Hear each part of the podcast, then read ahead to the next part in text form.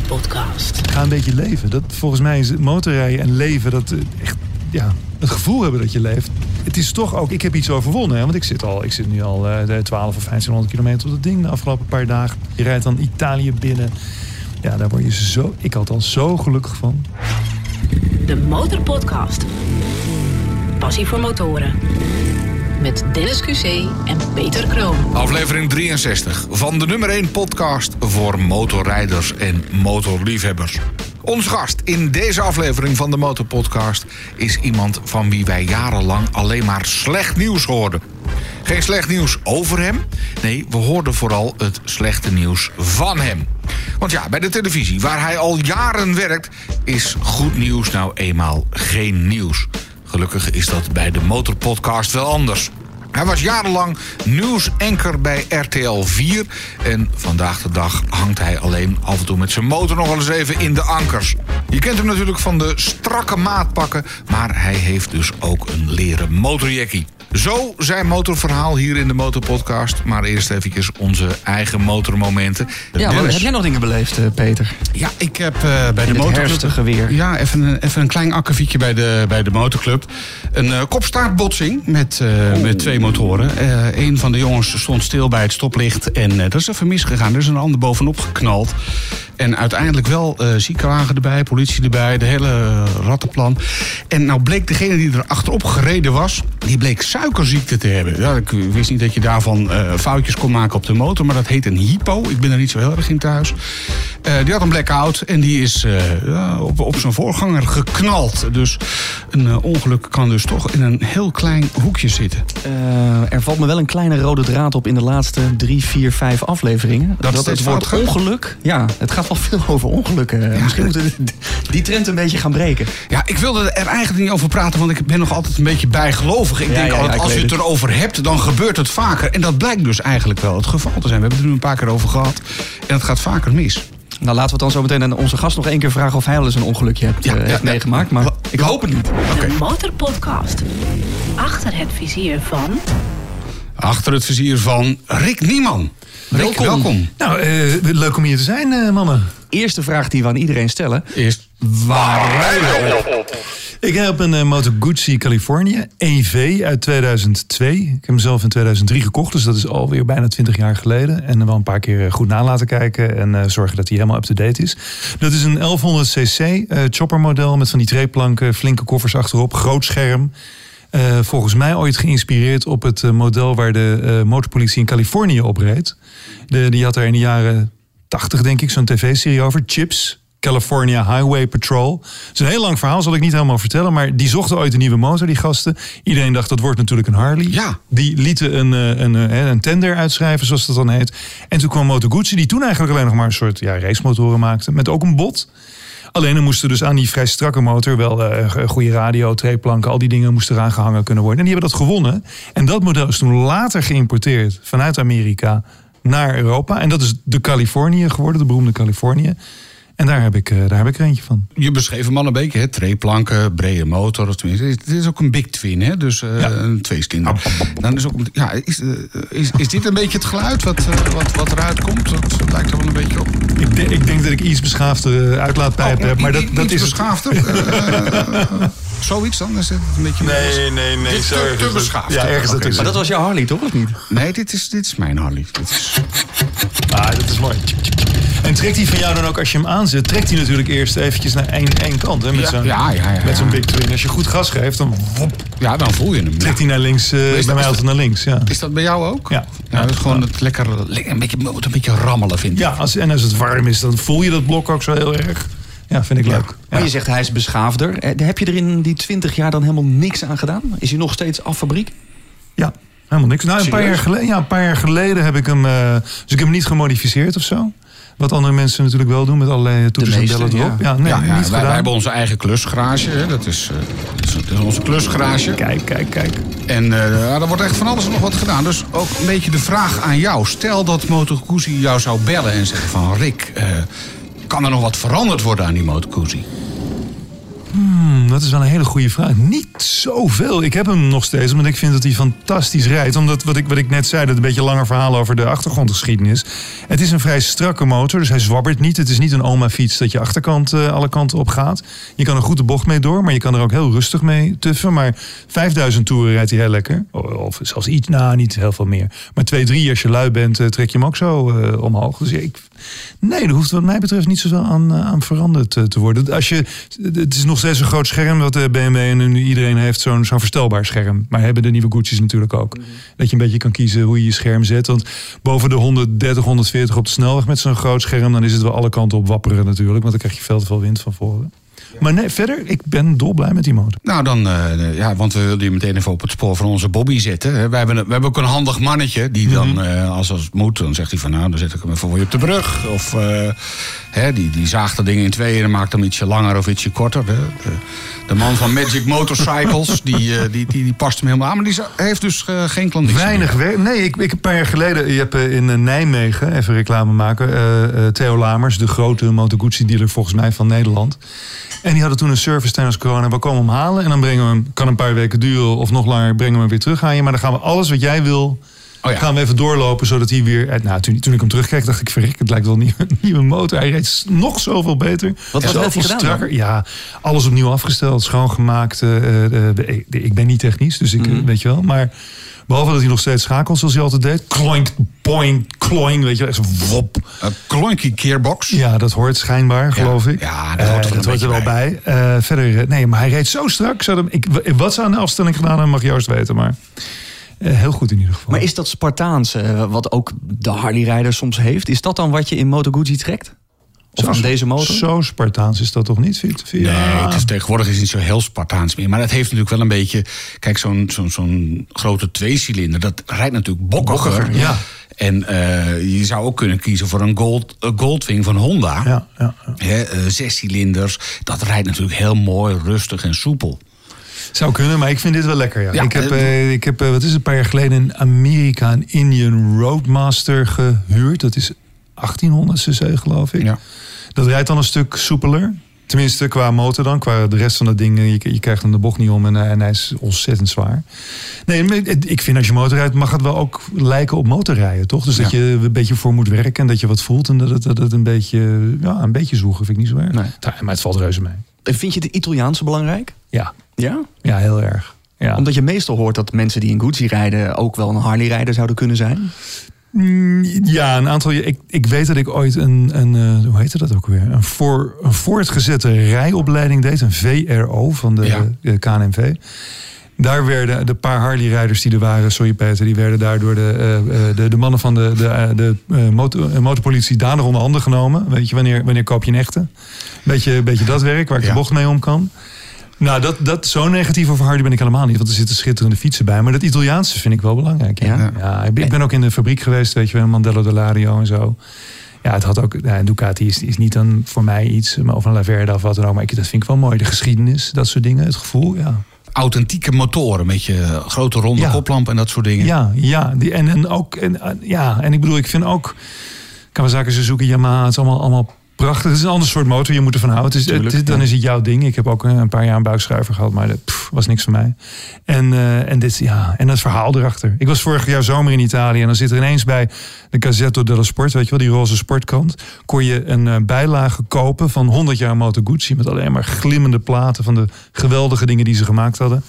Ja, gaat mijn, ik keek gelijk naar de kiosk. Gaat mijn hart wel eh, sneller van kloppen. Ja. Maar dan is het ook echt die geschiedenis. Dat vind ik leuk aan jou. Want meestal hebben de mensen het over het lijnenspel of de techniek. Of, maar de geschiedenis is bij jou wat het dan meer trekt. Drie mannen die in de Eerste Wereldoorlog samen eh, eh, vliegen. Eerste Wereldoorlog kan je nagaan. Eén daarvan is piloot en twee anderen die de onderhouden en hebben er nog wat mee te maken. Die, die maken een, het, het plan om na de oorlog een motormerk te gaan beginnen. Een van die jongens overlijdt. Eh, en de adelaar op het eh, Gucci-embleem is daarvan afkomstig. Omdat eh, dat was ook volgens mij het symbool van de, van, eh, de vliegeniers toen. En die jongen die had het niet overleefd, de oorlog. Dus die andere twee, Carlo Gucci en ik ben zijn andere naam vergeten, zijn een motormerk begonnen. Ja, dat soort verhalen, dat vind ik ook prachtig. De oude zwart-wit platen en zo. De hele oude modelletjes die ze vroeger hadden. Mooi om te zien. Ja, fantastisch. Heb je er ook een modelletje van, van je motor? Nee, maar ik zoek me rot. Elke keer als ik bij een autogrill kom in Italië, en daar ben ik best vaak, dan staan er altijd allemaal modelletjes en natuurlijk de Ducatis en al die andere dingen. En er staat nooit een Guzzi bij. Oké, ja, ik heb toevallig ook een modelletje van mijn, van mijn motor. Dat vind ik nou net even leuk om te hebben. Ja, hè, ik maar, zou ik op een boekenplank zetten. ja. Mocht er iemand zitten te luisteren nu die een Moto Vast, Guzzi ja. eh, California uit 2002 heeft. En daar dan het, het schaalmodel Je weet het niet, je weet ja, niet. Nou, we hebben al vaker motoren eh, weer Oh, ja. water gekregen hier. En dan dus- een witte, wat dat mijn vrienden zeiden. Oh, een witte. Een witte. Ja, die stond toevallig daar in die, in die, in die zaken. Die heb ik toen gekocht. Een witte, ja. Wil je nog meer horen van onze gasten? Word dan vriend van de Motorpodcast. Kijk op demotorpodcast.nl. Als we helemaal teruggaan naar waar die passie nou begonnen is. Waar begon de motorpassie voor jou? In de kroeg. Dat wil zeggen, we stonden vrijdagavond eh, laat in de kroeg. En een vriend van mij die motorreed, die zei... Kom, gaan morgen, ik, ga, ik neem je morgenochtend mee. Dan gaan we een proefles doen en dan ga jij motorrijden. Want hij rijdt motor en hij rijdt motor en jij nog steeds niet. En ik dacht toen, begin jaren negentig... Ja, maar motorrijden, weet je wel, dat is voor gasten met grote tatoeages. En eh, die toen nog niemand had, tatoeages. en, en, en een lange paardenstaart die onder die motor... Ik, ik had er helemaal niks mee. Ik was een Nee. nette jongen uit Amstelveen. En toen de volgende ochtend eh, met een flinke kater... zijn we toch op ergens op een industrieterrein buiten Amsterdam... eh, die proefles gaan doen. En eh, ik was verkocht. Ik vond het geweldig. Gelijke motorrijbewijs gehaald, motor gekocht, alles. Ja. Ben jij niet opgegroeid met, met, met de bromfiets? Nee. Met dit, dit soort dingen? Nooit, nooit zo'n ding gehad? Nee, nooit gehad ook. Oké. Nee, helemaal niks. Geen Kreitler, Zoendap, nee, niks, poeg. Nee, allemaal niet. op de fiets. Maar, en toen, die- maar toen die gasten me meenamen, één ochtendje motor... eh, eh, dus wel om de pilonnetjes heen rijden op zijn... eh, ste- weet je wel, een beetje gas geven. ja, ja. ja, verkocht. Maar wat was, dat, wat was het dan? Het gevoel, de vrijheid, de, Ja. de techniek? De... Nee, die, dit zijn clichés misschien, maar de vrijheid. Ja. Motorrijden Ja, is clichés zijn wel, wel vaak Wel waar. ja. Dus ja, de- Maar motorrijden is zo. Weet je, ik, ik denk nog. Ik doe het gelukkig nog met enige regelmaat, maar altijd te weinig. Hè. Dat vinden we, denk ik, velen van ons. Jullie, jullie rijden misschien nog veel vaker, maar. Elke keer als je opstapt, dat je nou, oké, moet het ding er even uit de schuur of de, de, de, de hoest eraf. En dan even ja, te, te lang niet gebruikt, even aan de acculader. Maar dan zit ik er tien minuten op en dan denk ik, waarom, waarom doe ik dit niet Ja. gewoon elke, elke dag? Nou ja, dat is meteen mijn volgende vraag. Waarom doe je het niet Nou elke ja. dag? Je kan er toch gewoon hiermee naar de studio's in Hilversum of in Amsterdam. Zeker, Dat, zeker. Ja, Gewoon dat, lekker voor de deur parkeren. Ja, ja, dat kan. Ja, dat kan. Waarom doe je dat niet? Ja, dat is een goede vraag. Hij staat, ja, dat is een slappe smoes natuurlijk. Hij staat nu bij al een jaar of tien bij een vakantiehuisje wat we in het oosten van het land hebben, waar we mijn vrouw en ik vaak zijn. Daar is het fantastisch rijden. En dat was wel heel leuk toen we dat huisje kochten. Dat je dan weer opnieuw gaat rijden. Want Amsterdam, op een gegeven moment dacht ik, ik heb echt alles in een straal van ja. 100 kilometer. Nou ja, pak een beet. eh 50 eh, van, van Amsterdam echt wel gezien. Elk B-weggetje, elk weggetje langs het water. Want dat vind ik leuk, kleine dingetjes. En eh, dat, daar ben ik toen helemaal opnieuw mee begonnen daar. Dat is wel heel erg leuk. Maar je, je hebt gelijk, elke dag zou vaker. Is een beetje de achterhoek hè, waar, eh, waar je ziet. Ja, wat noordelijker, Twente. Oh, ja, het, gebied van Oerend Hart is dat toch? ja, er wordt een goed motor gereden. Ja. En gecrossed ook. Ja. Ik weet dat op... Zou dat wat voor jou zijn? nou, op een gegeven moment hadden we... Hadden we dus, eh, we hebben daar een huisje voor de rust, weet je wel. Maar gewoon lekker. En eh, het was een mooie dag. En de, het mais, in het najaar, mais ging van het veld. En s ochtends om een uur of acht, negen.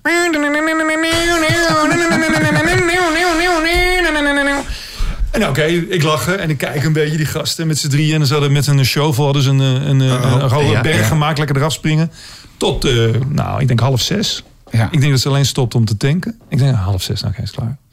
Maar ja, tot zes uur eten. En het wordt pas om elf uur donker, hè? Ja, gingen ze dus weer. een paar dagen, een achter elkaar, hè? Dus een paar dagen later zeg ik tegen een buurman... Hé, hey, Erik, hoe is het? Oh, ja, mooi man, mooi. Huisje voor de rust. En ik zeg, eh, en zeg, wat vind je van die motocrossers? En hij zegt, ah, is mooi, hè? Machtig, Machtig mooi. mooi. En toen dacht ik, ja, wie ben ik een lul uit Amsterdam? Je moet gewoon je mond houden. Of meerijden. Of meerijden. of meerijden. Oh, maar toen kwam ik dus de pa van die jongetjes tegen. Die ik wel een klein beetje ken inmiddels. En die was van zijn motor, eh, eh, van zijn crossfiets gevallen. Ja, dan... Ze breken ook wel veel, hè? Ja, maar als je ziet wat ze doen ook op die, op die hellingen en zo. Ja, het is, het is echt wel sport met een hoofdletter S. Hoor. Het is heel mooi om te zien. Maar de, de- ik denk dat de eerste hulp het eh, in Achterhoek of Twente of zo... op zondagmiddag, zaterdagmiddag, vooral zondag zullen ze niet al rijden... het best druk heeft. Ja. Ja. Hey, terug naar die eerste motor. Wat was dan je eerste motor die je aanschafte? Een Virago. Want die jongens hadden niet alleen bedacht, een Yamaha Virago, niet alleen bedacht voor mij dat ik motor ging rijden, maar ook wa- waar ik dan op kon gaan zitten. En eh, ze hadden er nog wel eens staan. Oké. Prima motor om op te beginnen. Echt zo'n chopper, prima, prima ding. Heb ik eh, twee, drie jaar gehad. Prima, veel plezier van gehad. Ja. Maar toen ging hij de deur uit.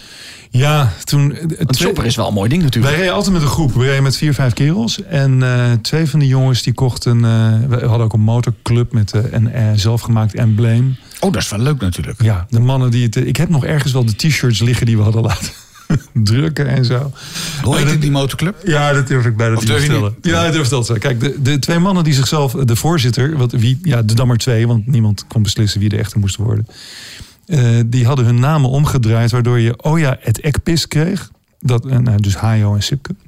En die hadden ook bij een echte, god, hoe heet het ook weer, Her- heraldisch, heraldiek. Zo, Ja. zo iemand zo'n motorwapen met de drie kruis van Amsterdam en nog een paar andere dingen laten ontwerpen. En dat waren dus de voorzitters en zo. En die kochten op een gegeven moment met z'n tweeën allebei een CBR. Honda 1000 cc, denk ik, of zo. Zo, Gokken. Ja, zou kunnen. Je hebt ook 600 en zo. heb geloof 600, Maar goed, ja. dit was een zware. Dus die andere gozer eh, die er ook nog bij zat en ik, die, die- ja, wij hielden dat niet meer bij. Dus toen hebben wij allebei een FZR Yamaha gekocht. Die is sneller Een buikschuiver. dan de CBR. Hm. Ja, dat heb ik ook twee of drie jaar gedaan. Maar ik, ik, afgezien van het feit dat ik kreeg ook een kind toen, dus het was ook een goede reden om die de deur uit te doen. Want we hebben nog wel eens met, nee, ik denk 250 plus in t-shirt en, en, en spijkerbroek op de Italiaanse snelweg. eh, Oké, gereden. jeugdzonde. hè? Jeugdzonde. Ehm, dus ik heb toen op een gegeven moment heb ik die de. Ik vond het ook niet zo'n fijne motor eigenlijk. Je moest ontzettend hoog in de toeren rijden, wil je er lekker mee kunnen rijden. Ja. En ik weet dat ik ooit bij een berg stond van, nou niet zo heel hoog, 15, 1600 meter. En toen verdomde die het, omdat dan de, de lucht te ijl wordt. Ja. ja. Ja, en ik belde met degene waar ik hem gekocht had. En die zei in Amsterdam, ja, maar dit is ook hoog, hè, 1600 meter. Ik, maar ik, ik, Ik wil ermee door die ik sta in, eh, ik, waar stonden we? Ik geloof Frankrijk en ik moet naar Italië. Dus dan heb ik bij een van die andere kerels met zijn CBR... heb ik aan zijn arm gehangen. Dus die had een, vervolgens een arm drie keer zo dik de volgende dag als, eh, als normaal. Eh, want ik, die, die moest mij over de top Ja. heen slepen. Ik was klaar met dat ding, met die FZR. Te gevaarlijk. En toen heb ik hem eerst de Gucci gekocht. Een andere dan deze, maar ook een Californië. Maar als je dan al twintig jaar op deze Gucci rijdt. Ja, dat, dat zegt ook wel genoeg natuurlijk. Ja, maar ik, ik, hij, wordt, hij, is wel, hij is vrij zwaar. Hè? Dus gewoon om te, om te manoeuvreren. Ja, het, valt, ja. het valt ook wel weer mee. Maar goed, het is natuurlijk... Dus ik zat wel het laatste te kijken naar zo'n V7 retro. Ik, ben, ik heb nogmaals, ik heb er geen verstand van. Hè? Maar je hebt, je hebt zo'n oud, dat traditionele oude Gucci model. Hele mooie Ja. fiets. En die hebben ze dan in een retro versie nu opnieuw gebracht. Een soort beetje een café racer-achtig. Ietsje groter dan dat. En daar is een heel mooi retro model van. Dus nou ja, misschien. misschien. Maar voor de, voor de bij dan misschien. Dan kan ik elke dag Nou, misschien Nou, straks voor de vraag, ik wat ga je doen. met Ja, ja, 100.000 oké. euro voor je motorpassie? Ik denk er nog even over na. Nou zijn, oh, Hoeveel heb je nu op de teller staan? Bij, eh, Ja, veel te weinig. Durf niet zo. Oké, eh, Dan gaan we daar niet meer over praten. Oké. gewoon meer rijden, gewoon meer rijden. Ja. Je zegt oosten van het land is mooi, maar met wat Google-werk kwamen wij er ook achter dat jij eh, veel van de wereld hebt gezien. Wat is jouw mooiste motormoment geweest in de afgelopen, wat is het, 30 jaar? Jeetje, dat zijn er zoveel. Ja, vroeger reden we echt eh, best veel. En, en, en, en met die club waar ik het net over had, maar ook eh, met mijn vrouw, eh, flink stukken van Europa door. Wat is het mooiste motormoment? Er zijn er zo ontzettend. Nou, ik weet, op een dag waren we in, in Frankrijk. Het was wel met mijn vrouw achterop. was er- erg leuk. We rijden de Iseran over, hoog 2700 of zo. Rijden Italië en was een beetje eind van de dag. En dan dat, dat hele donkerrode, oranje avondlicht. Het, weet je, de, de temperatuur. Je rijdt dan Italië. Ik ben sowieso gek van Italië. Italië binnen. Dat gevoel van, het is toch ook, ik heb iets overwonnen. Hè? Want ik zit, al, ik zit nu al eh, de 12 of 1500 kilometer op dat ding de afgelopen paar dagen. We gaan die hoge berg over. We hebben die, die zeker als het dan af en toe nog wat lekker slecht weer is er tussendoor en zo. Ik ben ergens mee bezig. En dan Italië zo binnenrijden. Ja, daar word je zo, ik althans zo gelukkig van. Thuiskomen. Zo, ja, ja, ook. En dat Zo heb je niet met. Frankrijk of met Portugal, Spanje. Ja, ook wel. We zijn ook wel eens in Kro- Kroatië. Heb ik ook wel eens. Dus dan rijden we naar Italië. En dan pakten we de boot aan de oostkant van Italië. Zijn we naar Split, geloof ik, gegaan in Kroatië. En dan helemaal terug weer door Italië. En dan ook door, door, wat is het, door, door Hongarije en zo. En Tsjechië re- rechtsom, zeg maar, Duitsland naar huis. Vind ik ook allemaal prachtig. Maar Italië heeft iets heel, iets heel bijzonders. Iets heel moois. Iets heel, iets heel aparts. Of als je weet je wel, uit Zwitserland of Oostenrijk, Italië binnenrijdt. Over die fantastisch geasfalteerde wegen. En dan zodra je de grens over bent, dan doink, doink, doink, Ja, doink, doink. ja. Ja. We zijn weer thuis, maar de koffie is beter, de mensen zijn leuker, het eten is lekkerder, het weer is beter. Ja. En veel Italië, maar Ducati komt er niet in bij jou? Totaal Nou, andere motor het is een natuurlijk. andere maar- mo- Ik ja. vind het prachtig, weet je. Ik ben ook een paar keer bij de TT geweest en dan zie je die gasten ook. Je ziet ze naar elkaar kijken, je ziet die rijen daar staan. Je- Ik, ik vind het schitterend, maar het is, het is niet voor mij. Ik, eh, laat mij maar lekker... toep, toep, toep, Lekker hoor ik je net Ja, tussen... dat heb neus- ik ook. Ja. Ja, dat ploffen, dat is echt iets voor jullie, hè? Ja, Dat, is lekker, ontspannen. Dat is bijna een soort, eh, ja, ik vind het soms een beetje een soort van meditatie. Ja, dus dat het ding pom, pom, pom, pom, pom, pom, pom, pom. En dan, dan verder ook geen muziek of zo heb ik aan. En dan plof ik langzaam van A naar B. Ja, ik vind het bijna meditatief. Ja, dat, is, dat vind ik ook. Want je denkt nergens aan als het goed is. Je zit er alleen maar op te letten of om je heen te kijken. Precies. En voor mij hoeft de snelweg hoeft voor mij ook niet. Zo, ik vind het leuker om, om 80 of 100 te rijden op, eh, op eh, kleine weggetjes. Ja, ik word daar vrolijker van. Ja. Ja. Nou hoor ik je net tussen neus en lippen doorzeggen... eh, toen het zo lekker slecht weer was. Ben je ook een slecht weerrijder, net zoals Peter? Nou, het was. jij, doe jij het echt in wind en weer altijd? Ja, ik, ik rijd het hele jaar door. Nou, of het moet echt een meter sneeuw liggen, Nee, dan, dan doe ik het niet. Maar, Sneeuw, ijs, nee. Nee, maar eh, een buitje regen, goed in het pak. Hè, en dan eh viziertje dicht. En dan vind ik dat ook gewoon lekker, weet je. Dan rijd ik gewoon in de regen. En dan denk ik van, nou ja, jongens, eh, hè, heerlijk. Ja, ja dat, vind ik, dat vind ik dus ook. Ik bedoel, alle, alle weersomstandigheden, ook als het bloed en bloed heet is. Ja. Of als het heel koud is, dat je echt dat je vingers eraf vriezen. Dat je denkt, nou, dat, weet je, het lukt bijna niet meer om die koppeling in te trekken. Maar toch ook wel weer leuk. Want je weet, straks komt Ja, er warme warme choco. En dan ja. doen we er een scheutje rum in. En dan, tenminste, niet als er nog gereden moet worden. Daar ben ik vrij streng in. Ehm, eh, maar bijvoorbeeld, ik weet dat ik een keer in Hongarije... Wat, ik, ik was met die kerels, wat vrienden daarheen gereden. Mijn vrouw vloog in, zij gingen terug. Ik ging haar halen om nog wat langer door te rijden. En het, re- nou, het, het regende echt niet normaal dat ik naar het vliegveld moest. Ik denk een uurtje rijden. En ik stond daar in de play. Ik denk eerst eventjes kijken of ik eh, nog iets droger kan worden. Dat je handschoenen. Ik had die handschoenen al jaren. Ik doe ze uit. Pikzwarte handen. Helemaal uitwringen die dingen. Helemaal die jas uitwringen. Dat mensen je aanstaan te kijken. Wat is die gozer aan het doen? Ja, dat is, dat, en want je weet, er komt een moment dat ik straks onder de douche sta en weer droog ben. En, een- en een biertje neem. Dan lach je erom. Ja, en dan is dat, Ja. maar dan is het extra lekker, extra leuk. Ja, ik vond dat altijd wel. eh, ja. De Motorpodcast. De nummer 1 podcast voor motorrijders en motorliefhebbers. Heb je nooit geprobeerd, vrienden hebben het bij jou geprobeerd en eh, om je vrouw over te halen om te gaan motorrijden? Zeker, we hebben het vaak over gehad. Mijn vrouw kan erg goed eh, autorijden. Die rijdt echt eh, behoorlijk eh, stoer. Ehm, maar zij zei, nee joh, dat, wat, dat, nee, ik vind het leuk bij jou achterop. En dat gaat ook heel goed. Zij vindt het echt leuk om achterop te zitten. Ze heeft het dus ook al heel, veel gedaan, hele ritten gedaan. Vroeger met de kaart had zij dan een kaart op mijn rug. En dan tikte ze hem op mijn schouder. Eh, links, daar links, daar rechts. Dus we hadden ook geen communicatie of zo. Af en toe klep je open, kan makkelijk als je niet te hard rijdt. En dan eh, ja, samen meedoen. En dan toverde ze uit dat piepkleine, zeker nog met die FZR toen, piepkleine rugzakje, toch weer een heel kittig jurkje om s'avonds lekker uit eten te gaan. Ja, die vindt het heel leuk. Dus nee, ik heb, we hebben het er wel eens over gehad, maar ze nee, laat mij. Maar ik vind het wel, dit doen we op deze manier samen. Ja. Ideaal. Zeker dat soort navigatie eh, met op je schouder eh, tikken. Ja, want dat, dat vroeg ik me dus af. Hoe doet hij dat? We hadden het er net over. Van, en die kaart dan? En hoe gaat Ja, dat dan? Een ja, kaart op iemand zijn rug of wordt Nou het ja, nee, gewoon, vastgeplakt? ja, in plastic. Ja, oké. Dus een beetje in zo'n plastic mapje. Dan had ze dat vroeger. Ik had vroeger, eigenlijk mis ik dat wel, weet je. wel. De, de hele Michelin-reeks, geel, waren ze meestal 1 op 200.000 de schaal. En dan van, gewoon van heel Frankrijk, van Italië. Van, en dan de kleine, en 's ochtends kleine weggetjes eh, eh, zoeken. Weet je, hoe gaan we rijden? Met zo'n groen streepje erlangs. En dan, eh, ja. Het is misschien een beetje tuttig motorrijden, maar ik vond dat wel heel erg leuk. Of als er dan, er stonden er drie van die veetjes, van die kleine veetjes Ja. op mijn weg. Dat betekent super extra ongelooflijk stijl. Ah, dan- dus dan neem twee veetjes is een beetje stijl, één stevig. Drie veetjes is heel stijl. Nou, dan namen we die. En dan kom je op de meest eh, schitterende plekken. Hoe, hoe doe je dat nu dan? Ga je nu gepland of ongepland rijden als je hem pakt? Ongepland, gewoon Ja? rijden. Gewoon rijden. En dan zien we wel gewoon tot, tot, tot we geen zin meer hebben en dan weer terug. Ja. Heb je wel een navigatie? Nee. Nee? Gewoon echt gewoon Ik, maar dat, neus achterna. Ik weet het, kijk, als je elke dag eh, zo'n ding hebt. En ik zag net toen we hier naartoe reden in de auto. eh gewoon zo op een, op een BMW 1200. eh, nou ja, met zo'n pelikaanbek en met ijzeren koffers en zo. En die zat goed rechtop. Met een reflectorjasje aan en zo. Ik denk, zo kan het. Perfect. Een gele helm. Ja. Dus die rijdt elke dag veilig. Doet alles goed. En dat, dat mag van mij prima. Maar ik, ja, nee, dan moet ik ook. Ik wil ook geen, ik wil geen muziek, wat jij zei. Geen, Peter. Geen. geen die, die, die, die Indian die we gehuurd hadden in Amerika, daar kon je de muziek aan zetten. Ik heb dat tien minuten gedaan. Ik dacht, dat, ja, wat een waanzin eigenlijk. Want ik rijd toch motor om eh, dingen te kunnen horen, te beleven, Ja. onderdeel ervan te zijn. Dus dat geldt voor navigatie ook. Maar ik mis die, die kaarten. Ja, ze moeten ergens op zolder liggen, maar ik mis ze wel eigenlijk. Heb je het eh, over eh, mevrouw zit achterop? Eh, bij de motor is het toch je meisje? Ja, je meisje, mevrouw. Ja, het is, het is toch alweer twintig jaar mevrouw. Maar het is nog steeds. Ja, nee, eh, op door de is het je vrouw. Maar als ze achter op de motor zit, is het toch je meisje? Ja, dat is ook zo. Dat is ook zo. De Motorpodcast. Nummer 1 podcast voor motorrijders en motorliefhebbers. Want we weten ook dat er mensen luisteren die helemaal geen motor rijden, maar deze verhalen eenmaal mooi vinden. Zometeen nog Frik de vraag wat hij zou doen met 100.000 euro voor zijn motorpassie. We hebben nog heel veel post en we hebben zes versnellingen. De Motorpodcast. Zes versnellingen.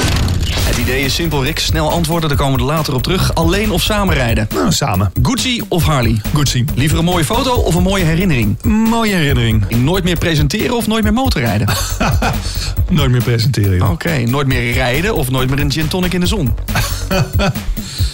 Oh, die is moeilijk zeg. Gin tonic kan je het- nooit, nooit meer rijden. Nooit meer rijden, oké. En Amerika of Europa? Toch Europa. Waarom toch Europa? De Motorpodcast. Gratis in je favoriete podcast app. Toen ik, eh, toen ik net dat eh motorrijbewijs haalde, dus begin jaren negentig, toen had ik eh, niet zo heel lang daarvoor in Amerika gestudeerd en, en gewerkt en zo. En toen dacht ik, nu wil ik eh, Route 66 doen. Nu wil ik de Highway 1 doen. Nu wil ik, hè, want dat, dat is het eerste wat ik ga doen op die motor. Ja. Aftikken. En eh, toen zei een van die vrienden van mij, zei, joh, maar hoe goed ken jij Europa eigenlijk? Zullen we gewoon eerst eens Europa gaan doen? En dat, dat, dat is de dikke 20 jaar geleden. En ik vind dat hij bijna 30.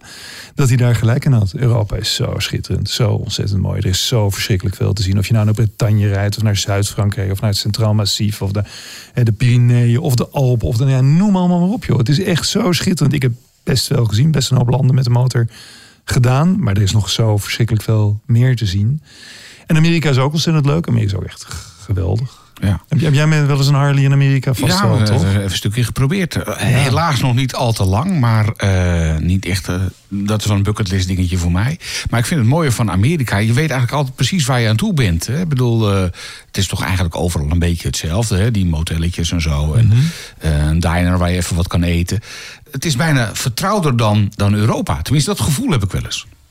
Oh, dat is, zo had ik er nog nooit over nagedacht. Ik denk dat dat waar is. Europa is de diversiteit groter natuurlijk, de verscheidenheid. Maar aan de andere kant, in Amerika hebben wij een reis gemaakt van Nashville naar New Orleans. Daar loopt de Natchez Trail. Dat is een, een, eh, een natuurpark. Dat is eigenlijk heel grappig, want je rijdt... Het is niet zo heel ver, 500, 600 mijl of zo. Dus eh, pak een met 800 kilometer. Door het groen. Links en rechts van die hele mooie geasfalteerde baan. Je mag, er maar, heel, je mag maar 50 of 60 mijl of zo. Ehm, maar, dat is een relatief dunne baan. Dus, dus je denkt dat je door een gigantisch park rijdt. Maar dat valt eigenlijk wel mee. Ze hebben gewoon aan twee kanten van de weg bomen gezet.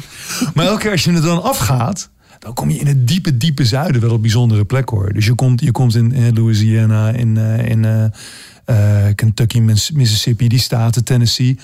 Kom je toch wel, als je, dat, eh, dat is ook wel verrassingen soms hoor. Dat je denkt, ja, we, stonden een keer bij een, eh, bij een tankstation met die hele dikke Indian. En eh, ik pak mijn creditcard en ik wilde dat ding doorheen. Dat is heel, heel protsig, maar een American Express Gold Card was het geloof ik. Dus ik wilde dat ding er doorheen en hij doet het niet. Dus ik kijk nog een beetje verstoord om me heen. En zie dat alle, alle eh, eh, ramen hebben hele dikke tralies. Er is eigenlijk wel heel veel stuk hier. En eh, allemaal gasten in pick-ups met gouden kettingen. Met, met van die nylon, weet je wel, dingetjes over hun hoofd. Ah, oké. Dus ik zei tegen Sascha, nou, we, ik heb nog, we hebben nog wel benzine, kom maar. Zal ik gaan vragen of je... Nee, laat maar, rustig, we rijden wel door. dus we rijden door en er kwamen gasten achter ons aan in een pick-up. En naast ons rijden en toeteren en zo. Dus ik, ik werd wel zenuwachtig. Twee duimen omhoog. What a bike, man! What a bike! Love your bike! Vanuit En een pick-up. Vanuit een pick-up. Maar overal, dat is wel mooi, zeker de diepe zuiden. Overal commentaar op die fiets. Altijd eh, eh, mensen die je komen je een koud colaatje brengen. Of een gespreksonderwerp. Of I used to have a Harley, you know. Amerikanen zijn wat dat betreft natuurlijk heerlijk om mee te praten. Dus ja, misschien voorspelbaar, maar wel heel leuk. Je andere zes versnelling was nooit meer rijden of nooit meer een gin tonic in de zon. Want we weten dat je houdt van een gin tonic in de zon. Ja, Maar echt nooit meer rijden? Hoe kan een Nou, motorrijder dat zeggen? Ja, dat is erg. Hè? Nou ja, omdat ik me toch kan voorstellen dat je op je tachtigste in de zon. eh, hè? Nou oké, nog je een gin bent. ja. Nou, wij hadden bedacht van, misschien zegt hij dan van... oké, dan eh, nooit meer gin tonic in de zon. Dan drink ik hem binnen wel op. Binnen. Ja. En dan kan ik toch ook motor in blijven de rijden. zon. In de, als een politicus, dat je eruit het, het antwoord kiest waar je Ja. antwoord op kunt Je geven. hebt menig politicus eh, geïnterviewd, dus eh, deze hadden wij wel verwacht. Ja, dus jullie zijn slimmer dan ik. Maar ja, goed, het rijken. Ik, ik, ik ken veel kerels. Ik heb met een paar over die mannen. Die hebben al mijn motor verkocht. Hè? Dan komen kinderen, eh, de werk, eh, druk. eh, motor gaat weg. Dus ik rijd te weinig, maar ik ben blij dat ik hem nog heb. Zodat ik nog, nou, vorige week, voor de week ervoor ook nog. Het was ontzettend lekker najaarsweer terwijl we dit opnemen. En, dus ja, ik, ik, ik zou hem nooit, never nooit niet wegdoen. Maar, maar er komt toch misschien een moment, denk je niet? Us, ooit? Ja, ik kan het me niet voorstellen. En we hebben meneer De Vaan, die was 84 en die reed nog... eh, Even naar Portugal. Portugal, op Echt en neer. waar? Ja, ja. Geweldig. Op, op, op een motorfiets zonder ABS. Gewoon lekker eh, basic ding. Nou, even naar Portugal Ja, weer. dat is wel stoer. Terwijl als je nu bij de pomp, eh, de pomp staat en er komt een groep motorrijders aan en de helm gaat af. De gemiddelde leeftijd is, is niet zo laag hè, over het algemeen. De Motorpodcast. Passie voor motoren. Rick, na wat eh, googelen zijn we erachter gekomen dat je ergens anders al een keer gezegd hebt dat eh, motorrijden voor jou een beetje ontsnappen is uit de structuur van het dagelijks leven. En dat motorrijden ook een klein beetje staat voor het leven als James Dean, eh, Jack Nicholson en Jan Kramer. Op wie van die drie lijk je het meest? Nou, ik heb Jan Kramer de laatste jaren een beetje mogen leren kennen. Want toen ik, je hebt het uit een eh, boek eh, gehaald wat ik, eh, wat ik heb geschreven. Of misschien een aanleiding van een boek wat ik over een, een, een roman over motorrijden heb geschreven. En die moest eh, het eerste exemplaar moet dan aan iemand worden aangeboden. Dus dat, toen hebben we Jan Kramer benaderd, die ik helemaal niet kende. Maar die zei onmiddellijk ja. Ontzettend aardig. En die heb ik een beetje leren kennen. En dat is, ja, hij is veel rebelser dan ik. Maar daar zou ik wel graag op willen lijken, op die man. Dat is wel fantastisch. Welk wat rebels wil je overnemen dan? Kramer die is ooit, heeft jaar op Ibiza ge- gewoond, om maar wat te noemen. Want hij ging met de motor gingen ze, eh, op pad. Ze wilden eh, eigenlijk naar, eh, naar Noord-Afrika, maar ja, ergens halverwege was het geld op. Dus ze konden nog net een boot naar Ibiza betalen. Onder, onderweg jatten ze met een, noem je dat, met zo'n slangetje benzine uit tanks die toen nog, van auto's die toen nog niet afgesloten waren. Dus even zuigen en dan snel in je eigen motor ja. laten rijden. En daar dan jaren wonen op zo'n eiland. Verschrikkelijk veel geld verdienen, alles ook weer uitgeven. Zo heeft hij zijn hele leven geleid. Ja, die man, dat is een fenomeen. En dat is ook wel zo, dat rebelse. Als jij toch, als je je motorlaarzen of je, je leren broek of je jack of je helm aantrekt. Het, het heeft toch... Ja, hebt is een beetje kinderachtig, maar je denkt van nou, Ja, nou, ja, ja. nou ga ik even leven. Nou, nou ben ik de vent, hè? Want ja, Jack Nicholson, ja, die, die, die, eh, die zat achterop bij de Easy Rider, bij Peter Fonda. Dus die reed zelf niet. Nee, nee, een rare film was het ook eigenlijk. Ik heb hem laatst een keertje teruggekeken. Ja, het, eh, De- Je, kan, zo- je, ja, het, kun- het, is, eh, het is een podcast, mensen kunnen het niet zien. Maar dat stuur van die Pieter Fonda, zo'n gigantisch gewei. Dat je dan met helemaal bijna gestrekte armen vast moet houden. ik zou doen. daar niet op kunnen rijden. In Amerika kan het wel, ga je toch alleen maar rechtdoor. Ja, dat is Ja. Keep your lane, lekker rechtdoor. ja, ik, ik heb die film dus onlangs ook nog weer een keer bekeken. En toen dacht ik ook van ja... Wat een rare film eigenlijk. Ja, en, en ze gaan volgens mij ook helemaal niet zo hard. Want dan, Nee, want ze hebben geen helm op ook. Ja, ze die... zit ik te kijken naar de struikjes eh, waar ze voorbij rijden. En denk ik, nou, volgens mij reizen voor de film nog, nog geen 30. Precies. Dus, maar goed. Ja. De- terug naar het nu. Ja, nee, maar... Eh, ja, die, die verstellingen. Je zei nooit meer presenteren of nooit meer motorrijden. Dan, dan kies je wel voor motorrijden. Ja, want kijk, de motorrijden is, is leuk. Dat is echt leven en presenteren is werk. Het is Ja. een mooi werk. Ik doe het graag. Ik doe het al lang. Maar het is wel werk. En eh, je, je moet wel onderscheid maken, denk ik, tussen wat je doet om je brood te verdienen. Hoe graag ik dat ook doe, hoor. En dingen die je echt, echt, echt voor je lol doet. De, de, de glimlach als ik motorrijd is breder dan als ik presenteer, denk ik. Maar eh, programma-directeuren opgelet, je kunt het eh, eh, natuurlijk ook combineren. Je kent waarschijnlijk het programma De Stoel. Het zadel of de motor zou ook een concept kunnen zijn. Waarbij je Ja. motorrijdend iemand gaat interviewen. Wij zien een eh. Jullie hebben allebei verstand van geluid. ja. is, is dat te doen, denk je? Met, Ja. met, met, eh, Nou ja, als, als je je gast in een, eh, in een zijspan zou doen. Dat zou En dan kan je wel iedereen meenemen. En volgens mij krijg je dan echt een hele aparte verhalen. Want Ja, iedereen is toch een beetje bang. Is van, moet ik daar nou echt in, in zo'n ding? Nou ja, eh, eh, zet Mark Rutte in een, eh, in een zijspan. Volgens mij geeft hij hele andere antwoorden. Ik vind het ook wel een, een format. Hebben jullie het al gedeponeerd ergens? Nee, nog niet. Maar dan ga jij ermee aan de haal. Dat Nee, dat zou ik nooit doen. Dat zou ik nooit doen. Hey, Heb je wel eens iemand geïnterviewd waarvan je dacht, daar wil ik een stukje mee rijden? Wat een goede vraag zeg. Ja, en dat valt dan ook vaak... Zijn het andere mensen van wie je dat van tevoren denkt of verwacht? Weet je, wel? je, je hebt toch wel vaak, vind ik, een, eh, een beeld van iemand. Dan ga je daar naartoe. En dat valt dan bijna altijd mee. Eh, en soms valt het ook echt wel tegen. Dat je denkt, god, jij leek me zo'n leuke man of vrouw... eh, voordat ik je leerde kennen. Maar meestal is het andersom.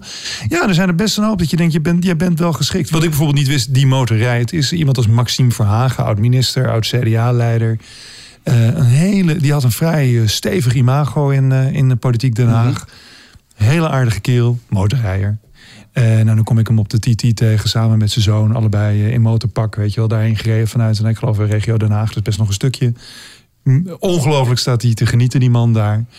En ook andere mensen wel. Ja, nee, de mensen zijn over het algemeen toch aardiger dan je, dan je denkt. Maar nooit samen een ritje gemaakt. Nee. Nee. nee Het gek is bij Maxime Verhagen kan ik me dat helemaal niet, Niet voorstellen. Nee, nee, dat is echt van.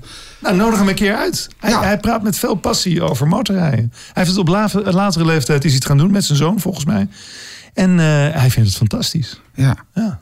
Eh, die, je hebt zo'n andere, Wim van den Kamp had je, weet je wel, zo'n eh, politicus. Dus wel, dit is wel voor de oudere luisteraar onder ons. Hoor. Maar een vrij stijve, steile CDA-politicus. Europarlementariër latere leeftijd. Trekt hij zijn eh, leren pakken en gaat hij klaverblad eh, rondjes rijden op de, op de snelweg. Zo hard als maar kan. Ja, mooi is toch? Mogelijk. Je andere versnelling was mooie foto of mooie herinnering. Dan kies je voor een herinnering, terwijl je vrouw fantastische foto's maakt, Ja, kunstwerken. Ja, die zou het hier ongetwijfeld heel eh, erg mee oneens zijn. Maar de herinnering, daar gaat het toch om. ja, Het ja, dat is waar. Allemaal om de herinnering. Het Ja. gaat om. Het, dit is het grootste cliché wat er is, denk ik. Maar eh, als jij eenmaal op je sterfbed ligt. En waar ga je over nadenken? Je gaat toch, daarom ook nooit meer presenteren of nooit meer motorrijden. Mhm. Ik heb ontzettend veel plezier gehad in mijn werk. Maar ik denk de, de, de, de ultieme motormomenten met mijn vrienden. Of met, eh, of met mijn vrouw. Of met, weet je, dat, dat, of met jezelf alleen. Dat, dat, is toch, gok ik, wat je je herinnert als het eh, op een dag zover is dat het het einde Ja, nadert. dat is waar. is echt. motorrijden belangrijk om een vriendschap te starten of te onderhouden? Ja, dat, ja. Want eh, weet je, je hebt samen je hebt een doel, denk ik. En dat geldt voor allerlei vriendschappen. Of voor, sorry, voor allerlei eh, hobby's of dingen die je onderneemt. Als je samen iets te doen hebt, dus dan kan je plannen. En je kan, je kan zeggen, we gaan, zullen, we, zullen we een keertje gaan rijden? Wij deden dat met die groep vrienden vrij trouw tussen nou ja, begin jaren negentig en, en ergens eh, voorbij de eeuwwisseling. Ja, dat was geen, we gingen altijd naar Italië. Altijd naar Viareggio. Ik heb een boek over geschreven wat ook zo heet. Altijd Viareggio. Altijd daarheen. De route die verschilde elk jaar. De samenstelling van de club ook. Alhoewel er drie, vier man altijd bij was. En dan moet je door het jaar heen daarover praten. Plannen. Zullen we nog een stukje rijden? We reden altijd op 1 januari. Dat is een standaard. Vrijdagavond, of de, de 31ste helemaal uit. En op vrijdagavond helemaal uit toen nog. En dan op zaterdag gingen we heel vaak rijden. En op eh, 1 januari ook rijden, jongens, kom op. Hè, Het eh, nieuwe jaar is begonnen, hoe koud het ook is. En als dat verwatert, dan, dan dreigen die vriendschappen ook uit elkaar te vallen. Tenzij er iets anders voor in de plaats komt. Word je ouder, ga je golfen. Klaverjassen. ja, Is dat gebeurd? Want je praat in het, eh, in het Eh, verleden. hè? We, ja, we dat- reden heel veel. Dat Eh, golfen is ook... Golf is ook begonnen. Ja. Daar ga je op de motor naartoe, hè? Ja, nee, maar die clubs dan. Ehm, die steken dan zo uit je zadeltassen. Eh, ja, maar dat, kijk, Martin Bril, die, oude, die schrijver, die, die helaas is overleden, zei dat ooit. Van een man heeft een hobby nodig, want dan kan hij het huis uit. En dan kan hij ook weer thuiskomen. En bij een hobby horen ook spulletjes. Of je nou gaat vissen of dat je gaat motorrijden. Uiteindelijk maakt dat niet zo heel veel uit. Zodat je met kerels een, een tijdje weg kunt zijn. Maar dat verwatert eh, ja, helaas toch wel, ja. Hoe kan dat, hè? Als het dan zo ja, goed is met, eh, met, met, met, met motormaten. Ja, mensen, ik, ik, ik, gelukkig een paar van die kerels zie ik nog nou, bijna wekelijks. Eh, dus de, het kan wel, maar je moet er gewoon aan werken. Denk je niet? En mensen laten toch andere prioriteiten de overhand eh, krijgen. En dat begrijp ik ook wel. Kinderen, baan, hypotheek, eh, verbouwing. Ja. Ja. nemen we een nieuwe keuken of een nieuwe motor? Ja, ik, weet- ik weet het wel, maar goed. eh, Ja, maar, dit, dit- ja, maar dat is niet voor iedereen zo, Peter. De andere, ja, die hoeven niet te beantwoorden. Gucci of Harley, ja, dat is toch, eh, de is en blijft de Gucci. Eh nou, wacht, misschien, mis- mis- wacht, misschien kunnen we hem Wat toch overtuigen. Gewoon even, even het geluid van de Harley er nog even in. Van misschien dat je dan toch denkt van...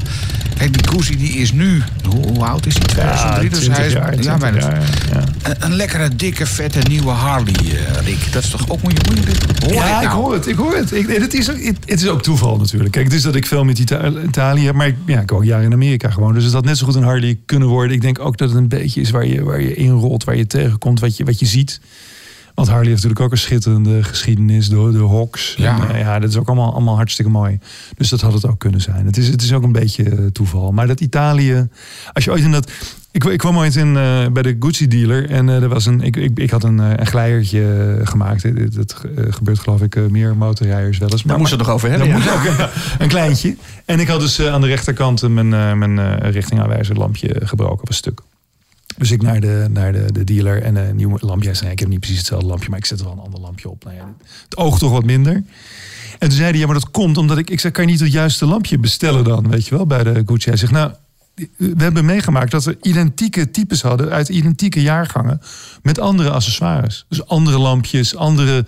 Want wat gebeurt er dan? Die, ze hebben daar geen, toen nog niet, hadden ze geen lopende band of zo in de fabriek, vertelde hij. Iemand is bezig met die motor, motor loopt naar een kast, zegt: Oh, je moet ook nog richtingaanwijzers op. Pakt er twee, schroet ze erop. Nou, of vier, klaar. En gaat weer door met die motor. Maar de- iemand anders loopt naar de kast en die, die, die ja, de twee stappen naar rechts, pakt net wat andere lampjes en zet die erop. Ja, kan gebeuren. En ik ben er wel eens geweest in die fabriek. Eigenlijk, nu is het waarschijnlijk anders. Want het is van Aprilia geweest en nu weer door iemand anders overgenomen, geloof ik. Piaggio, geloof ik. Ja, Piaggio, ja, Door, de, door de scooters. Ja. Ja. Dus het zal nu wel heel erg eh, eh, netjes zijn allemaal. Maar toen was het een zootje. Was wel mooi om te zien hoor. Gewoon, Hij heeft ook en- wel zijn charme, toch? Ja, niet een lopende band. Iedereen maakt een motor. Ja. Ik Ja. maak nu deze motor. Ja. Ben, ben jij dan zo, als je dan één, eh, dat heb ik namelijk, als dan één knipperlicht anders is, dat die andere dan ook vervangen moet worden? Want die moet twee dezelfde, of liefst vier dezelfde. En dat je dan denkt van, nou oké, dan, eh, dan koop ik wel vier nieuwe. Nou, je bent een. Ja, dit is, dit is heel filosofisch. Dit. Je had het over mediteren eerder. Dit is heel filosofisch. Ik ben heel erg netjes. Ik kan, ik kan niet als ik wil. Misschien licht autistisch. Als ik wil gaan werken op een dag, dan moet de computer recht en dan moet een beetje schoon bureau en alles moet een beetje recht liggen en zo. Nou. Ik maak een schuivertje met een relatief nieuwe, deze relatief nieuwe Gucci. Het scherm is een beetje stuk, dat lampje is kapot, de, de koffer is eh, beschadigd. Gelukkig ving die ons wel op. De, de valbeugel en zo. Dus mijn eerste instinct was te doen wat jij zegt. Nu ga ik alles nieuw kopen. En toen dacht ik, ach weet je, Het is La- laat maar. Je kan nu zien wat ermee gebeurd is. Je, dat, hij heeft een beetje geleefd, die motor. Het, het is een verhaal. Ik weet nog wanneer het gebeurd is.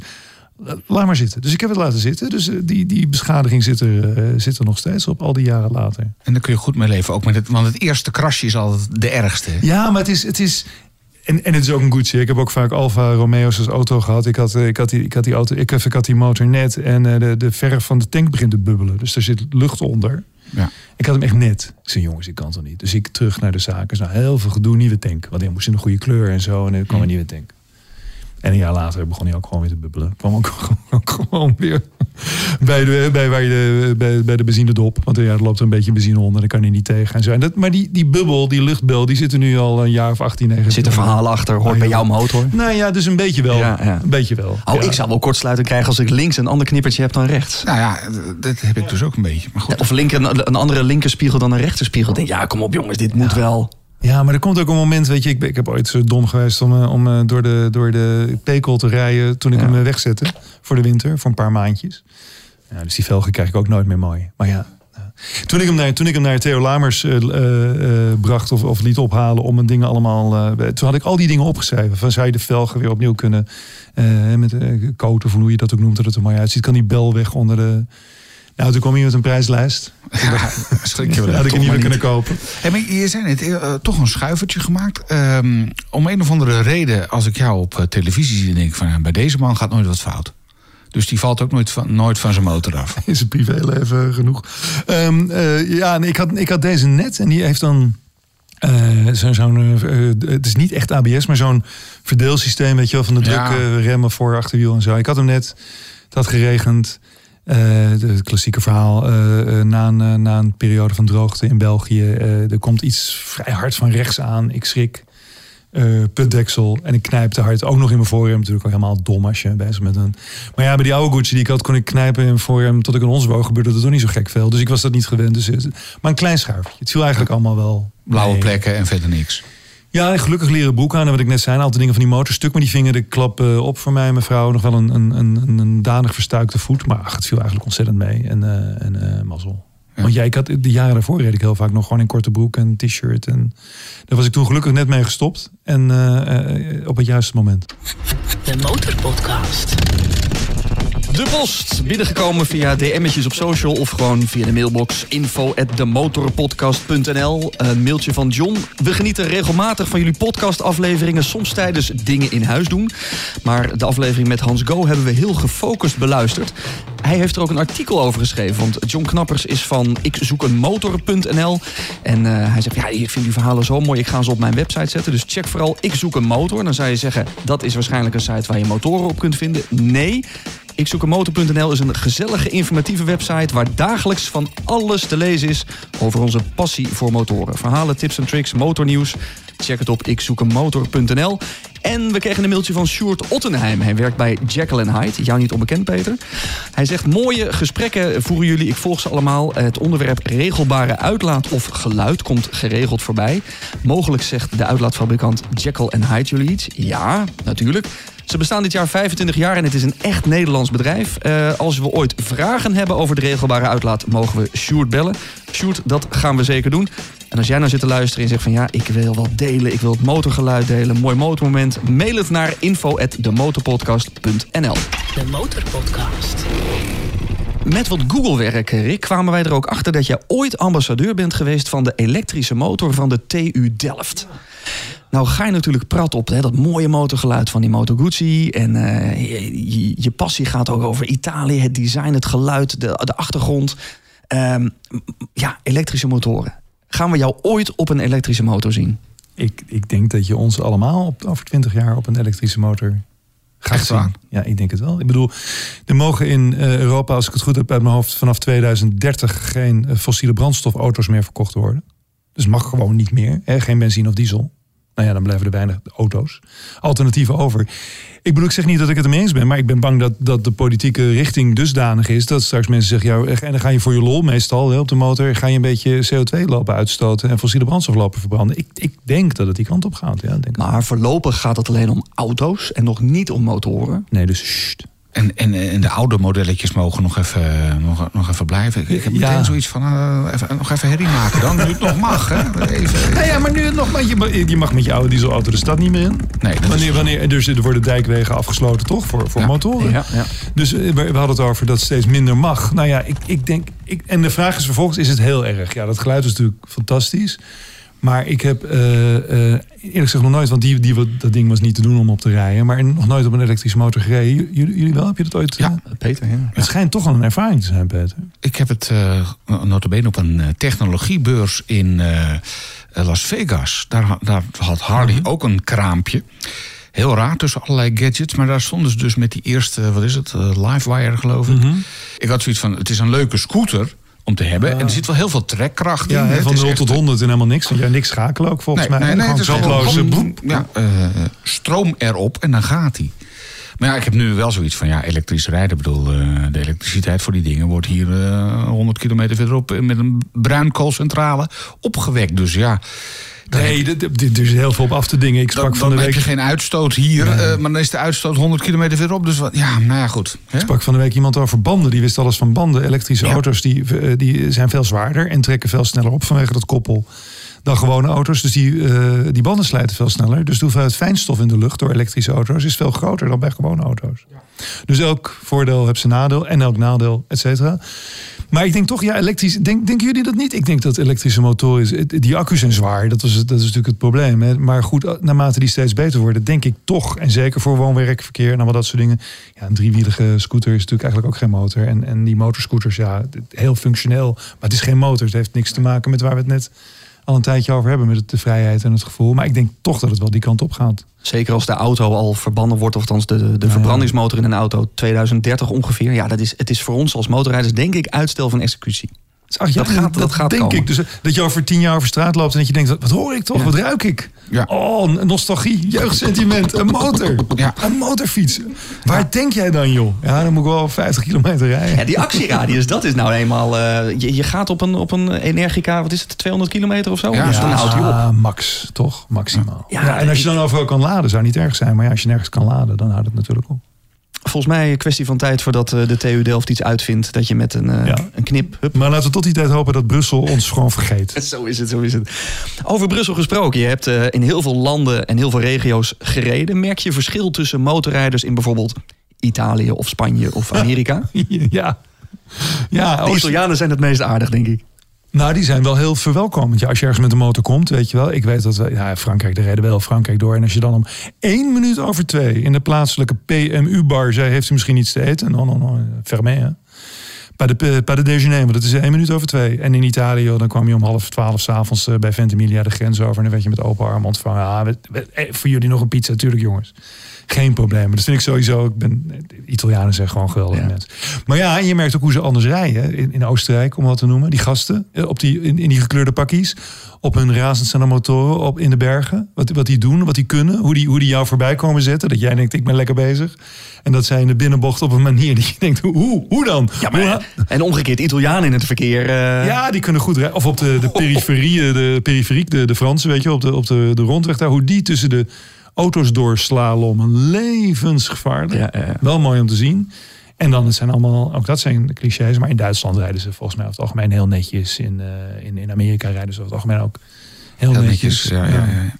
Hey, maar als je dan door de Oostenrijk rijdt en je ziet dan dus iemand die dat echt ontzettend goed kan, ben je dan geneigd om direct weer een, eh, een, een cursusje te volgen? Eh, word je daar jaloers van dat je dat ook wil? Of? Nee, dan neem ik eh, met een diepe buiging mijn helm af en zeg ik: Ik vind het heel knap wat je doet en dit doe, je, doe je best. Ja. Ik, nee hoor, dat moet je ook durven. Dat moet je, dat moet je kunnen. Dat moet je. eh, Ik, ik hoorde Chimène van Oosterhout, die ik via het werk heb leren kennen, hier in jullie podcast, dat hij op het circuit heeft geraced. Dus ook met cameramannen achterop. Nou, dat is hoeveel kilo is dat? Zeker als je remt. Ik vind het alleen maar ongelooflijk knap. Ik, dat is het voor mij. Dat, nee, had ik misschien op mijn achttiende moeten leren. En dat kan natuurlijk nog hoor, maar het, het is voor mij niet weggelegd. Nee. Wij eh, hebben nog twee belangrijke vragen voor jou openstaan. Namelijk, wat zou je doen met 100.000 euro voor je motorpassie? En ondanks dat je geen muziek op de motor hebt... de plaat waar jij het ultieme motorgevoel eh, van krijgt. Mhm. De plaat waar je harder van gaat. Z- Zit hij hierbij? Nee, het is wel, maar het is wel lekker. Ja, leren jekken is muziek, hè?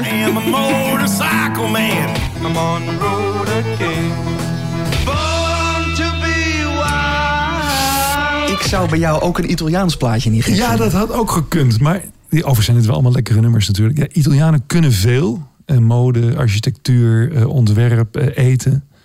Maar Italiaanse muziek, dat is niet altijd even... Nee? Nee, er zitten er wel een paar tussen. Maar het is af en toe... Nee, het is niet, ik word daar niet heel warm van. Ja, of toch Paolo Conte, die rijdt namelijk ook motor. Ja, maar heel rustig dan, hè, denk ik. Ja, die, die een hele zware stem. nee, ik vond het wel mooie nummers. Maar ik, het- voor mij mag het wat opzwepender. De Motorpodcast. De plaat waar je harder van gaat. Ja.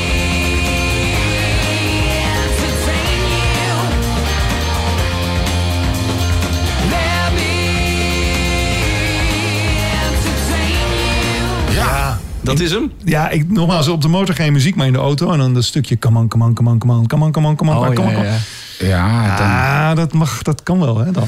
Nou, de- deze komt nog regelmatig op de radio. Dus eh, al- als je die dan hoort, wat, wat gebeurt er dan met jou? Eh, denk je dan van nu gauw naar mijn zomerhuis en die, eh die motor ja, nou, eigenlijk wel, ja. En, eh, en, eh, en weet je, dat, ik leg nu eventjes eh, mijn werk opzij. Of eh, ik was bezig met, eh, met eh, te kijken hoeveel energie ik... Dat doen we tegenwoordig allemaal, hè, op ons appje kijken van... Godverdomme, excuseer allemaal. Eh, verdorie, wat, wat heb ik nu allemaal weer eh, eh, verbruikt? Nee, joh, vergeet het, kan jou het allemaal schelen. Pak, stap op dat ding. Ga een beetje leven. Dat, volgens mij is motorrijden en leven, dat echt, ja... Het gevoel hebben dat je leeft, dat is toch wel heel nauw met elkaar verbonden. En dat heb ik bij dit nummer ook. Kom op, weg. Ja, Ga wat doen, joh. Gas erop. Ja, naar buiten. Weg, weg uit, de, uit het onder het systeemplafond vandaan. Go. Maar wat wordt dan je eerstvolgende trip? Want hij staat nu al een tijd. Nou, hij heeft een week stilgestaan, dus dat valt mee. Nee, het valt mee. Wanneer komt er weer meer gereden. Wanneer komt er ja, weer, dat eh, moet gewoon weer gebeuren. En dan, dat is met die mannen ga je dan... Dus dan moet je ontzettend uitkijken dat je niet oude lullen wordt... die samen dan zeggen, weet je nog vroeger? Dan zou maakt het eigenlijk uit? weer een keer moeten... Nee, dus dan moet het ook weer gebeuren. Niet alleen maar over praten. Oh, doen. Ja, ja, ja, ja. Maar ik denk als ik het Sascha morgen zou vragen... zegt ze, kom, we gaan. Maar dan nog de vraag, wat zou je doen met 100.000 euro? De Motorpodcast. 100.000 euro voor je motorliefde. Wat ga jij ermee doen? Ja, Rick. 100.000, maar dat is... Ja, is veel. Fictief. Ja, nee, dat begrijp Het is niet zo. Dit, het is niet zo'n tv-programma hier dat als ik het nu zeg dat hij dan voor Dan de deur staat. binnen, nee. Ja, Was dat maar zo. Ja, dat was mooi als je dat kon doen. Nou ja, die Indian Roadmaster. Ik heb gekeken in Nederland kost zo'n... Waar ik in Amerika op heb mogen rijden. Gewoon gehuurd, weet je wel. Een paar weken. Het gemak waarmee dat ook gaat, weet je wel. Ze vragen niks. Ze vroegen niet eens, heb je een rijbewijs?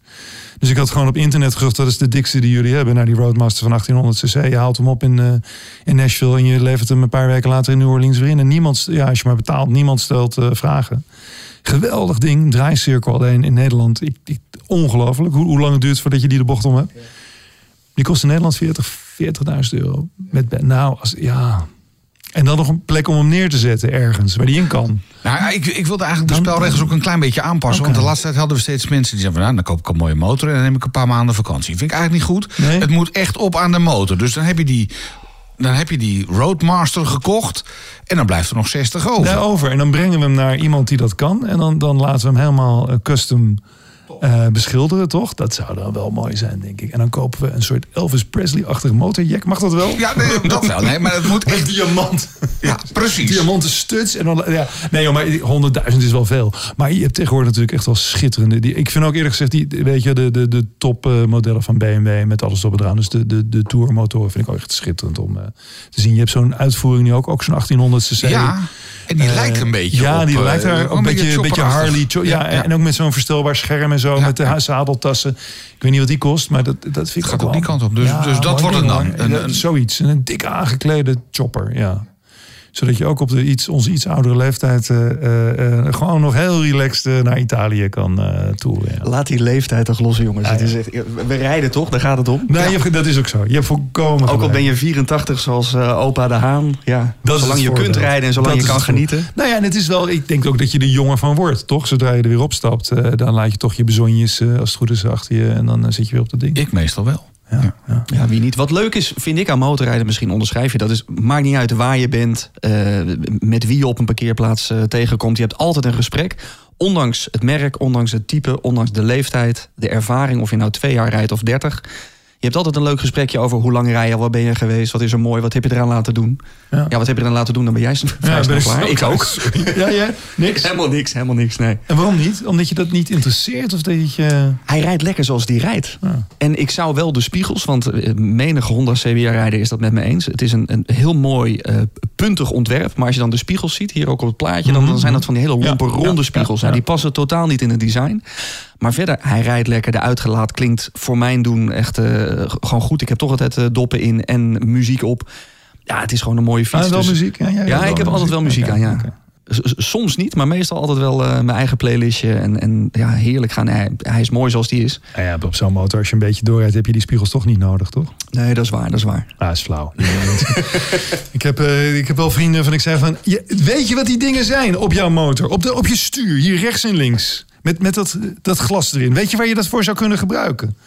Want je, je, eh, je had het over eh, op de motorclub de ongelukje kop staart. Nou, als iemand een, een, wat is een hypo heeft omdat hij eh, diabetes heeft gehad... ja, dan, dan, dan kan je daar niks aan doen natuurlijk. Maar ik heb toch ook wel momenten gehad met vrienden... dat er gewoon een, een, een snelweg zich splitst in links en rechts... en gewoon vol in de remmen en vol gaan staan op dat kleine stukje, weet je wel. Afge... Even kijken waar we heen moeten. Nee, links of... nee. ja, ja. Serieus? Ja, echt dat je vol. Dat wij nog nooit tegen elkaar aan zijn gereden is eigenlijk een godswonder door, door al die jaren. heen. zeg je je rijdt wel netjes keer, baksteen, weet je wel, en, en zo, maar pff, Toch een Nou. VRO'tje dan, eh, een VRO'tje cadeau geven. hebben we allemaal gehad ook. Maar dat, die spiegels, hij, hij heeft, die jongen heeft nooit, hij weet precies nu als hij luistert, weet hij precies wie ik bedoel. Volgens mij wordt dat niet nog een keer via Redshirt dan met het clubje. Ah, wel, joh. Ja, Dat is wel. heel. Kunnen ze wel tegen een beetje kritiek. Ja, ja. dat is dezelfde vriend die eh, altijd voorop wilde rijden. En dat wij zeiden, weet je waar we heen gaan? Nou, is die, ik rij op de zon. Ik rij op de zon. Oh, dat is ook wel een mooie methode. Ja, ja, ik rij op de zon. En toen we drie uur later op hetzelfde Poolse pleintje stonden, zeiden we, die, die, die zon van jou. Serieus? Serieus. Eén grote cirkel. Nou ja. Ja, En toch, heel stom. Ik, ik doe dat ook wel eens. Dan ben je aan het rijden en ik heb geen schermpje. Dus ik moet alles. En eh, ja, dan denk ik, nou, daar is de zon. Dus ik zal nu wel ongeveer naar het oosten rijden. En als je dan weet dat je terug moet, nou, dan ga je weer de omgekeerde kant. Ja, maar dat is ook hier. dat het is, het is ook eigenlijk gewoon omrijden. Het maakt ook allemaal geen bal uit. Nee, overal zijn mooie plekjes. En, en, en Nederland is ook hartstikke mooi. Dus ik, ik ga ook zeker een keer richting Twente. Dat moet je echt een keer doen. De, de, de Sallandse Heuvelrug, de Lemmelenberg. Het is echt allemaal Ja. schitterend. En motorrijders worden daar met open armen ontvangen. Want dat zit natuurlijk zeker, weet je, zei Achterhoek, Drenthe, maar ook Twente. Het zit allemaal daar ontzettend in de cultuur om eh, Gelderland om, eh, om motor te rijden. Dus je ziet ook op zaterdagmiddag van die grote clubs, jongens, weet je wel. Nou, mannen nog vooral. Allemaal samen op het terras, alle motoren voor de, voor de stal. Ja, dat, dat zie je veel gebeuren. Mooi. Mooi om te zien. Je zei net Maxime Verhagen, die moeten we zeker een keer uitnodigen. Eh, Heb je iemand anders waarvan je zegt, nou, die zou ik graag een keer in de motorpodcast voorbij horen komen? Oh, dat vind ik moeilijk. Frits Wester eh, rijdt motor. Mijn eh, collega uit Politiek Den Haag. Die is een fanatieke motorrijder. Was het althans. Ik heb hem al een paar jaar te weinig gesproken. Maar eh heeft er ook wel mooie verhalen over. Dus die zou je zeker ook eens kunnen overwegen. Jeetje joh. Verder, Ja, ik vind het mooi, hè? Frits Wester. ja, Frits Wester en Maxime Verhagen zou ik zeker. En Wim van der Kamp zou ik zeker eens over nadenken. Ja. Wim van der Kamp, ja, dat is er ook eentje waarbij ik het totaal niet voor kan stellen. En dan, dan is het extra leuk natuurlijk. Ja, dan is het extra leuk. En zo zijn er denk ik wel meer heimelijke motorrijders waar wij het niet, eh, waar wij het niet van weten. Denk je niet? Ja, dat denk ik ook, ja. ja. Ja, of motorrijders die maar net geen tijd vinden om hier aan te schuiven. Want we hebben echt een enorme lijst met tips. Maar mensen moeten maar net tijd vinden of, eh, of hun passie willen delen. Sommigen rijden ook echt heel passief. Die, rijden dan, die hebben een mooie motor staan, vaak een hele dure. En die rijden dan een paar keer per jaar. maar ja, Ik ben wel motorrijder, maar ik doe er eigenlijk niet zoveel mee. Ja, Die dat, heb je ja, dat kan. Ja, dit mag. Het een beetje zonde, maar goed. Het, eh, maar goed, ik, eh, wie, wie ben ik? ik eh, de, zoveel als ik vroeger reed, hè, we hebben het over gehad, rijd ik nu eigenlijk te weinig. Maar, maar het gevoel is er absoluut nog steeds. Nou, Dus- hopelijk hebben we die passie weer een beetje ja, nou, dat denk ik wel. Dat, dat, ja, ja, dat gaat Hoe zit het op. trouwens met het schoonhouden van je motor? Ja, ik ben wel een poetser. Ja? Ja, ik, ik hoorde ook een keer een podcast van jullie met eh, iemand die van die, eh, van die spulletjes heeft om eh, de motor goed schoon te maken. Handelschoonmaker.nl. Kijk, dit, dit- En we geven jou meteen van onze handelschoonmaker.nl. ah, kijk, Een dat is hele mooie handelschoonmaker.nl Vizierreiniger. Kijk, dat is mooi. Dat was, dat was niet afgesproken dit, hè jongens. Over Nee. vizierreiniger geef ik dan gelijk aan mijn vrouw, want dat is haar taakje. Oké, dat heb je, dat heb je uitbesteed. Nee, nee, dat gaat, toevallig, dat gaat toevallig zo. Dat, ik pak dat ding, weet je wel. Ik zorg dat hij klaar staat. Moet het, eh, het, het, oude boerenhek open. Pakt zij de helmen. En dan eh, zegt ze, ik heb de vizier eh, gepoetst. Dus dan, Ja, maar ja, ja. niet onbelangrijk. Goed om je heen kunnen kijken. Ja, ik ben er wel een poetser. Ik vind dat de motor, de, die moet er wel goed schoon uitzien. Ik vind het ook leuk om te doen. Oh, serieus? Ja, is dat raar? Ja, ja. Nou, ik ben blij met die spullen, want dan gaat het heel erg snel. Maar Het zo gaat toch mooi als die krijtler hierachter, zo ziet mijn motor er nu niet uit hoor. Nee, die van mij ook niet meer. Maar ik bedoel, het is, het is, het is toch geen, st- je bent een half uurtje, uurtje ben je klaar. Ja, En dat is waar, geen is straf. En, en bij Gucci is het ook wel belangrijk. À la eh, eh, Alfa Romeo, de auto, dat je denkt, hé, hey, waar, hey, waar komt dit vandaan? Dit, hoort, dit, dit straaltje olie hoort hier niet. Dus het is belangrijk om af en toe even goed te kijken. Met deze gaat het, maar die oude motor was echt een, een ramp. Maar je maakt je ook alweer leuke dingen mee. Dus, eh, Veel plezier met de, de. Rick, eh, dank voor je komst naar de studio van de Motorpodcast. Als jij nu zit te luisteren en je denkt van ja, die podcast vind ik leuk. Deel hem dan vooral met andere motorrijders, want hoe meer zielen, hoe meer vreugd. Of word vriend van de Motorpodcast. Dat kan op onze website, demotorpodcast.nl. Dan krijg je extra bonusafleveringen. En abonneer je nou, want dan krijg je automatisch een seintje bij de volgende aflevering. En daarin gaan we praten met Mitchell en Nadia. Ze zijn eh, een beetje begonnen met de trip rond de wereld. Eh, ze hebben al heel wat landen aangedaan. Ze willen de hele wereld rond en met diverse projecten de wereld ook een stukje beter maken. Ze zijn even in Nederland en ze schuiven bij ons aan voor een eh, volgende aflevering. Nou, eh, abonneer, want dan krijg je automatisch de volgende. De Motorpodcast. Gratis in je favoriete podcast app.